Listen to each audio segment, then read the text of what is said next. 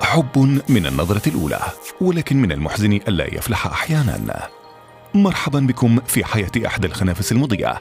إنها تواجه صعوبة في العثور على شريك للحياة لأن مدننا تزداد سطوعا وإضاءة.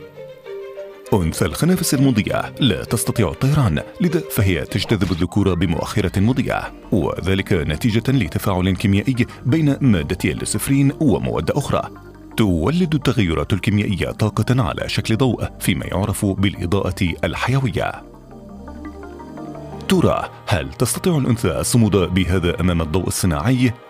في إحدى الدراسات تم إرسال ذكور الحشرات في متاهة بحثا عن أنثى في نفس الوقت اختلف سطوع المناطق المحيطة والنتيجة بينما تمكن الذكور من الوصول للأنثى في الظلام بنسبة 100% لم ينجح سوى خمس الذكور في فعل ذلك في ظل إضاءة الشوارع والذي يسبب لها اضطرابا في الرؤية ربما لذا يجب علينا إطفاء الضوء غير المطلوب وإعطاء الخنافس المضيئة لحظات هادئة.